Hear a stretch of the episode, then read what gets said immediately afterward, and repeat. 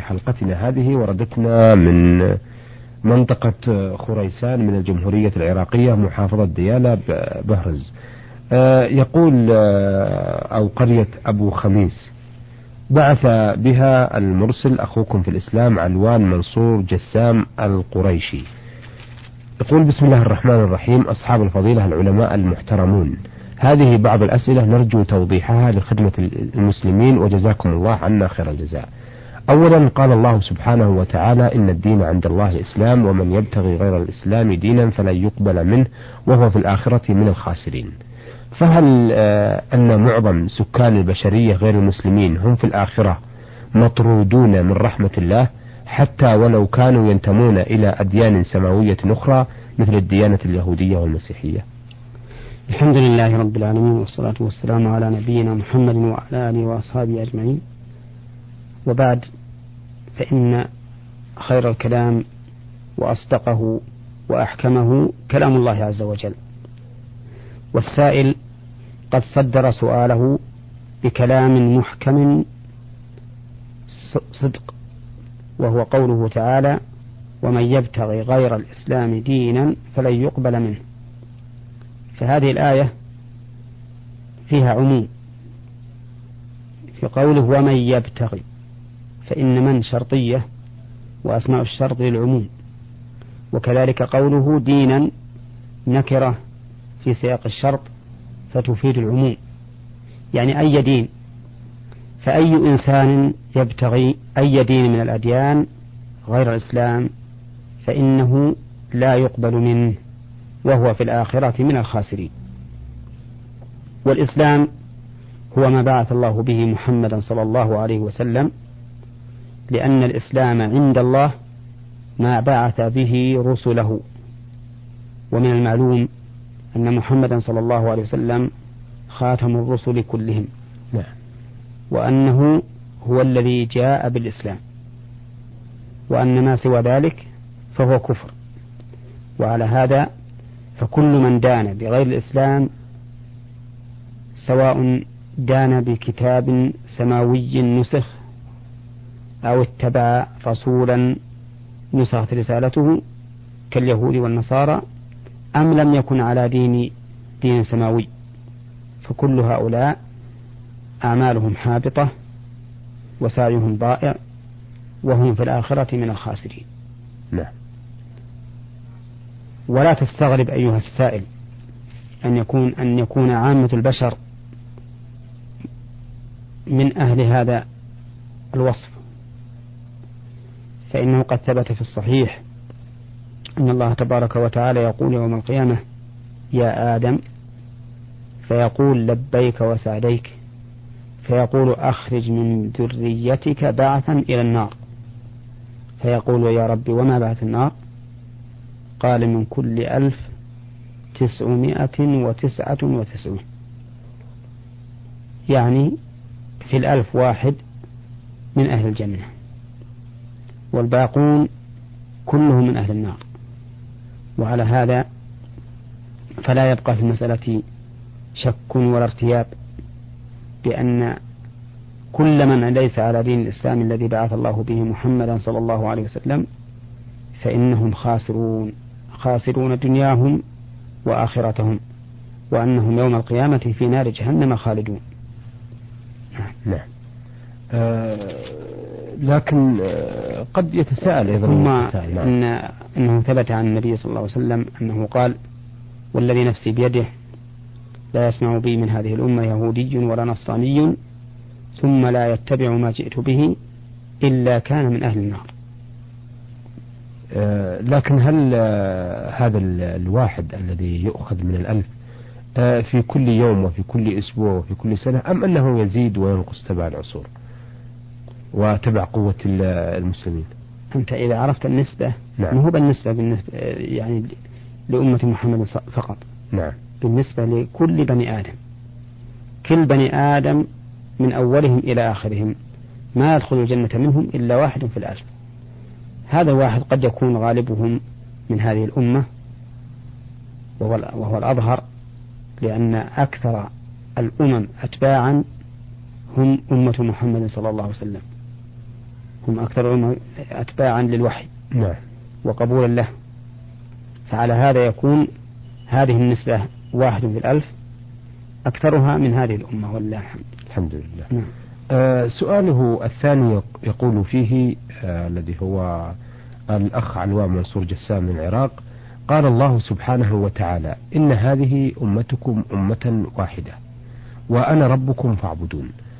والمقصور باللام أو بالأمة هي الأمة المحمدية المسماة الأمة الإسلامية التي تدين بدين الإسلام والمتكونة من العرب روح الإسلام ومادته والأكراد والأتراك والفرس والأفغان وغيرهم.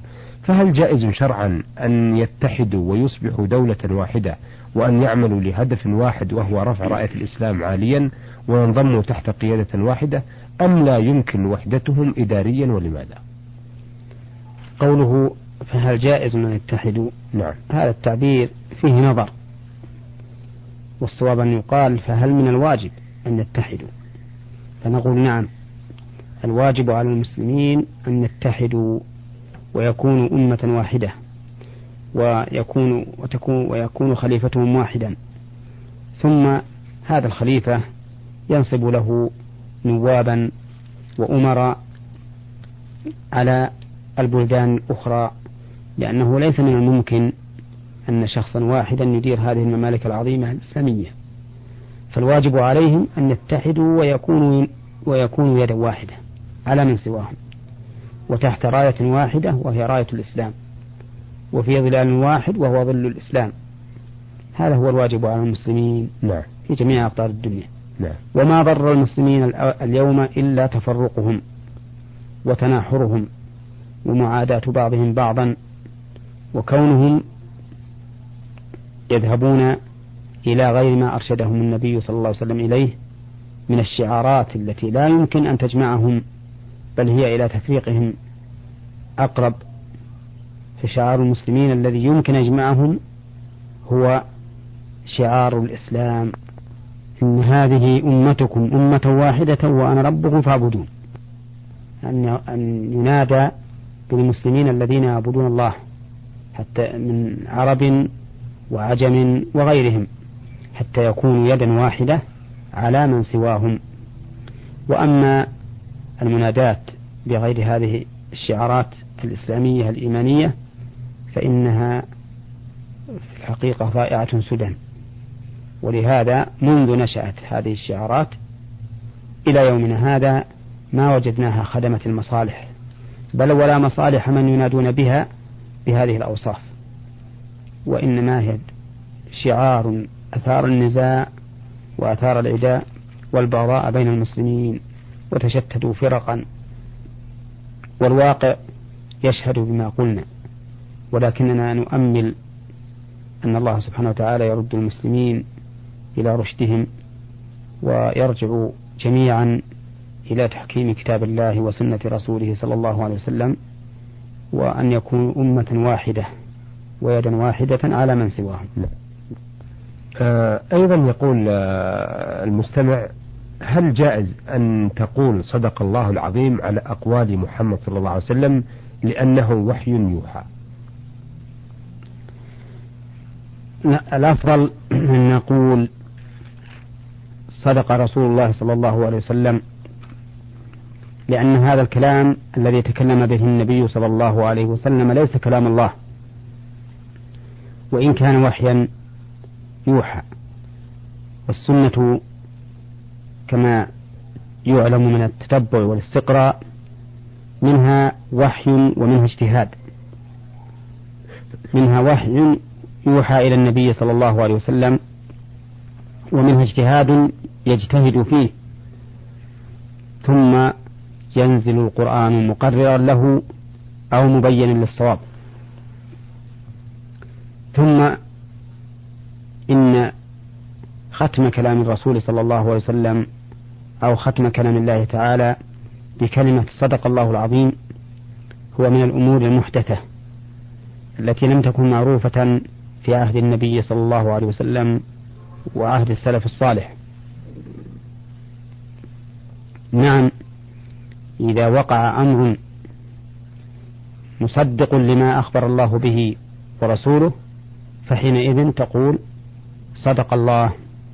مثل أن ترى تعلقك بأولادك أو يصيبك شيء منهم من الفتنة عن دين الله ينهوك عنه وينهونك عنه ويصدونك فتقول صدق الله العظيم إنما أموالكم وأولادكم فتنة. أو ما أشبه ذلك مما ينزل مصداقا لكلام الله فتقول صدق الله. وكذلك ما يكون أو ما يقع مصداقا لكلام رسول الله صلى الله عليه وسلم فتقول صدق رسول الله صلى الله عليه وسلم لقد كان كذا وكذا. وأما أن تقول صدق رسول الله أو صدق الله كلما ختمت كلام الله أو كلام رسوله فهذا ليس من السنة بل هو من الأمور المحدثة. نعم. من منفوحة وردتنا هذه الرسالة من المواطن محمد سليمان علي الشهري يقول آه، إلى نور على الدرب. سؤالي هو أن فيه ناس من الذين يجيدون الكتابة الممتازة بالخط العريض. وبعض هذه الكتابات إنهم يكتبون آية كريمة على شكل رجل يصلي. فهل هذا يجوز؟ أفيدونا وشكرا. الذي يظهر لي أنه لا يجوز. وأن هذا من التعمق والتنطع. وقد قال الله تعالى وقد قال النبي صلى الله عليه وسلم هلك المتنطعون. ثم إن الكتابة العربية بالحروف العربي العربية لا بد أن يحصل فيها تغيير إذا هي عصفت حتى تكون على هيئة المصلي. ثم إن هيئة المصلي آه، قد يكون فيها أو من جملة الهيئات أن يكون ساجدا. وحينئذ يكون أعلى القرآن آه، أو أعلى الصحيفة وأسفلها مختلفا. ويكون القرآن معبرا عن ساجد. وقد قال النبي عليه الصلاة والسلام ألا وإني نهيت أن, أن أقرأ القرآن راكعا أو ساجدا. نعم. فكل شيء يوهن أن هذا القرآن في منزلة أسفل فإنه منهي عنه. وإذا كان النبي عليه الصلاة والسلام نهى أن يقرأ الإنسان القرآن راكعا أو ساجدا لأنها هيئته هيئة ذل بالغ والقرآن ينبغي أن يكون في محل القيام الذي يكون محل انتصاب وارتفاع. فالحاصل أن هذا هذه الكتابة نرى أنها لا تجوز. ثم إن من المغالاة أن يدعى الناس إلى إلى شريعة الله في مثل هذه الأمور. وبهذه المناسبة أود أن أنبه أيضا إلى ما يعلق من بعض الآيات في في المجالس. نعم. فإن هذا أيضا من الأمور المبتدعة المحدثة التي وإن كان فاعلوها يقصدون إما التبرك وإما التذكير فهذا لا ينبغي لأن التبرك على هذا الوجه بالقرآن الكريم لم يرد وأما التذكير فإنها في الحقيقة لا تذكر في الغالب نعم. بل إنك تجد في هذا المجلس الذي علقت فيه هذه الآيات تجد فيه من اللغو والسباب والشتم أو من الأفعال المنكرة من شرب دخان أو من استماع إلى ما لا يجوز الاستماع إليه أو ما أشبه ذلك وهذا لا شك أنه يكون كالاستهزاء بآيات الله نعم. حيث تكون آيات الله تعالى فوق رؤوس الناس الجالسين وهم ينابذون الله تعالى بالمعاصي وبالسباب والشتائم والشتم والغيبة ونحو ذلك فلهذا نرى أن أن بالمسلمين غنى عن هذه الأمور التي تلقيت من غير روية ومن غير تأمل وخير الهدي هدي النبي صلى الله عليه وسلم وسلف الصالح وسلف وسلف هذه الأمة الصالح نعم. فالذي أنصح به إخواني المسلمين أن لا يعلقوا مثل هذه الآيات في بيوتهم لأن فيها من المفاسد ما أشرنا إليه آنفا. والحمد لله في المصاحف غنى عن هذا ومن أراد كلام الله والتمتع بتلاوته أو التدبر لآياته وجده مكتوبا في المصاحف. والله موفق. أه وردتنا هذه الرسالة من المرسل عبد الرحمن عبد العزيز طالع الغامدي من أبها شقيق آه، مدرسة عبد الرحمن بن عوف.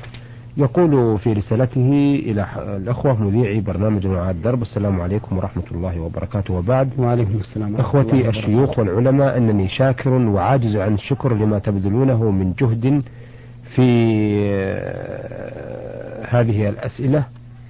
يقول آه، أرجو حل أسئلتي هذه ولكم الشكر. السؤال الأول ما الحكم إذا عطس شخص والإمام يخطب؟ وأنت بجانبه فهل يجوز لك أن تشمته أم لا؟ لا يجوز لك أن تشمته لأن استماع, استماع الخطبة أهم. ولهذا قال النبي صلى الله عليه وسلم إذا قلت لصاحبك أنصت يوم الجمعة والإمام يخطب فقد لغوت. نعم. مع أن تنصيت المتكلم من الأمور الواجبة لأن الكلام حال الخطبة محرم ومنكر يجب إنكاره. لكن لما كان هذا الإنكار يتضمن التشاغل به عن استماع الخطبة دل هذا على أنه لا يجوز للإنسان أن يتشاغل بكل ما يشغله عن استماع الخطبة. نعم. نعم. أيضا يقول ما حكم مس العورة سواء كان قبلا أو دبرا وبخاصة السبيل أو السبيلين؟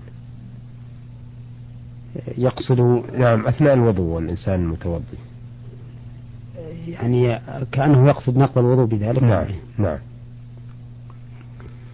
الصواب من عندي أن مس العورة لا ينقض الوضوء لأن الأحاديث الواردة في ذلك مختلفة والأصل عدم النقض. إلا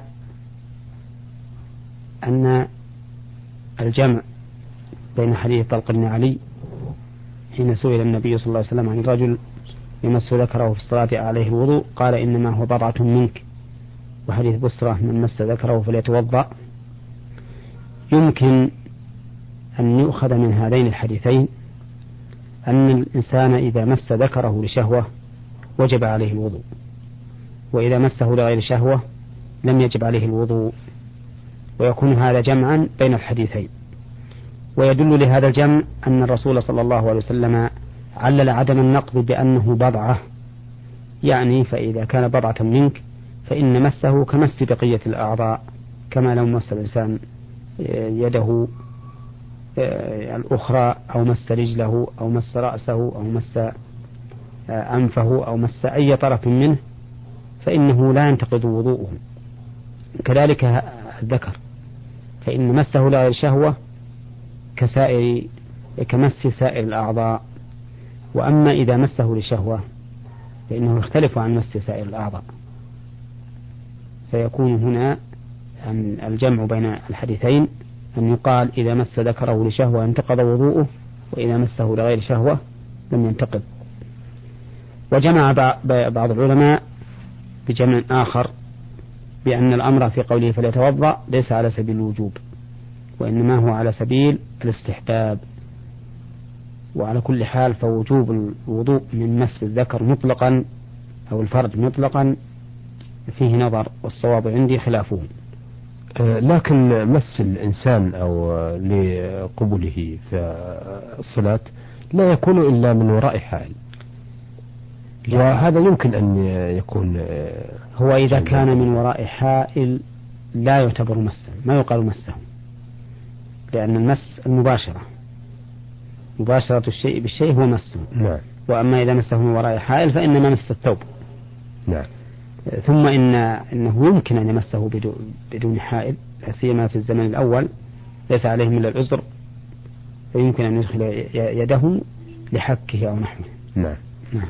آه أيضا آه إذا آه سؤاله الثاني لا محل له لأنه يقول لا يقول هل النظر إلى عورة رجل ما أو امرأة ما سواء كان شاب أم طفل أم شيخا ينقض الوضوء. لا ينقض الوضوء. وما علمت أحدا من أهل العلم. قال إن نظر العورة ينقض الوضوء. نعم. لكن هذا مشهور عند بعض العامة ولا أصل له. آه، أيضا يقول نحن نلبس من الملابس الخفيفة وكذلك السراويل. الخفيفة هل لمس العورة من فوق هذه نقض الوضوء؟ نعم نقول هذا آه، سبق الإجابة عليه نعم. ولا شيء في نعم. أيها السادة إلى هنا نأتي إلى نهاية لقائنا هذا الذي عرضنا فيه ما وردنا منكم من أسئلة واستفسارات.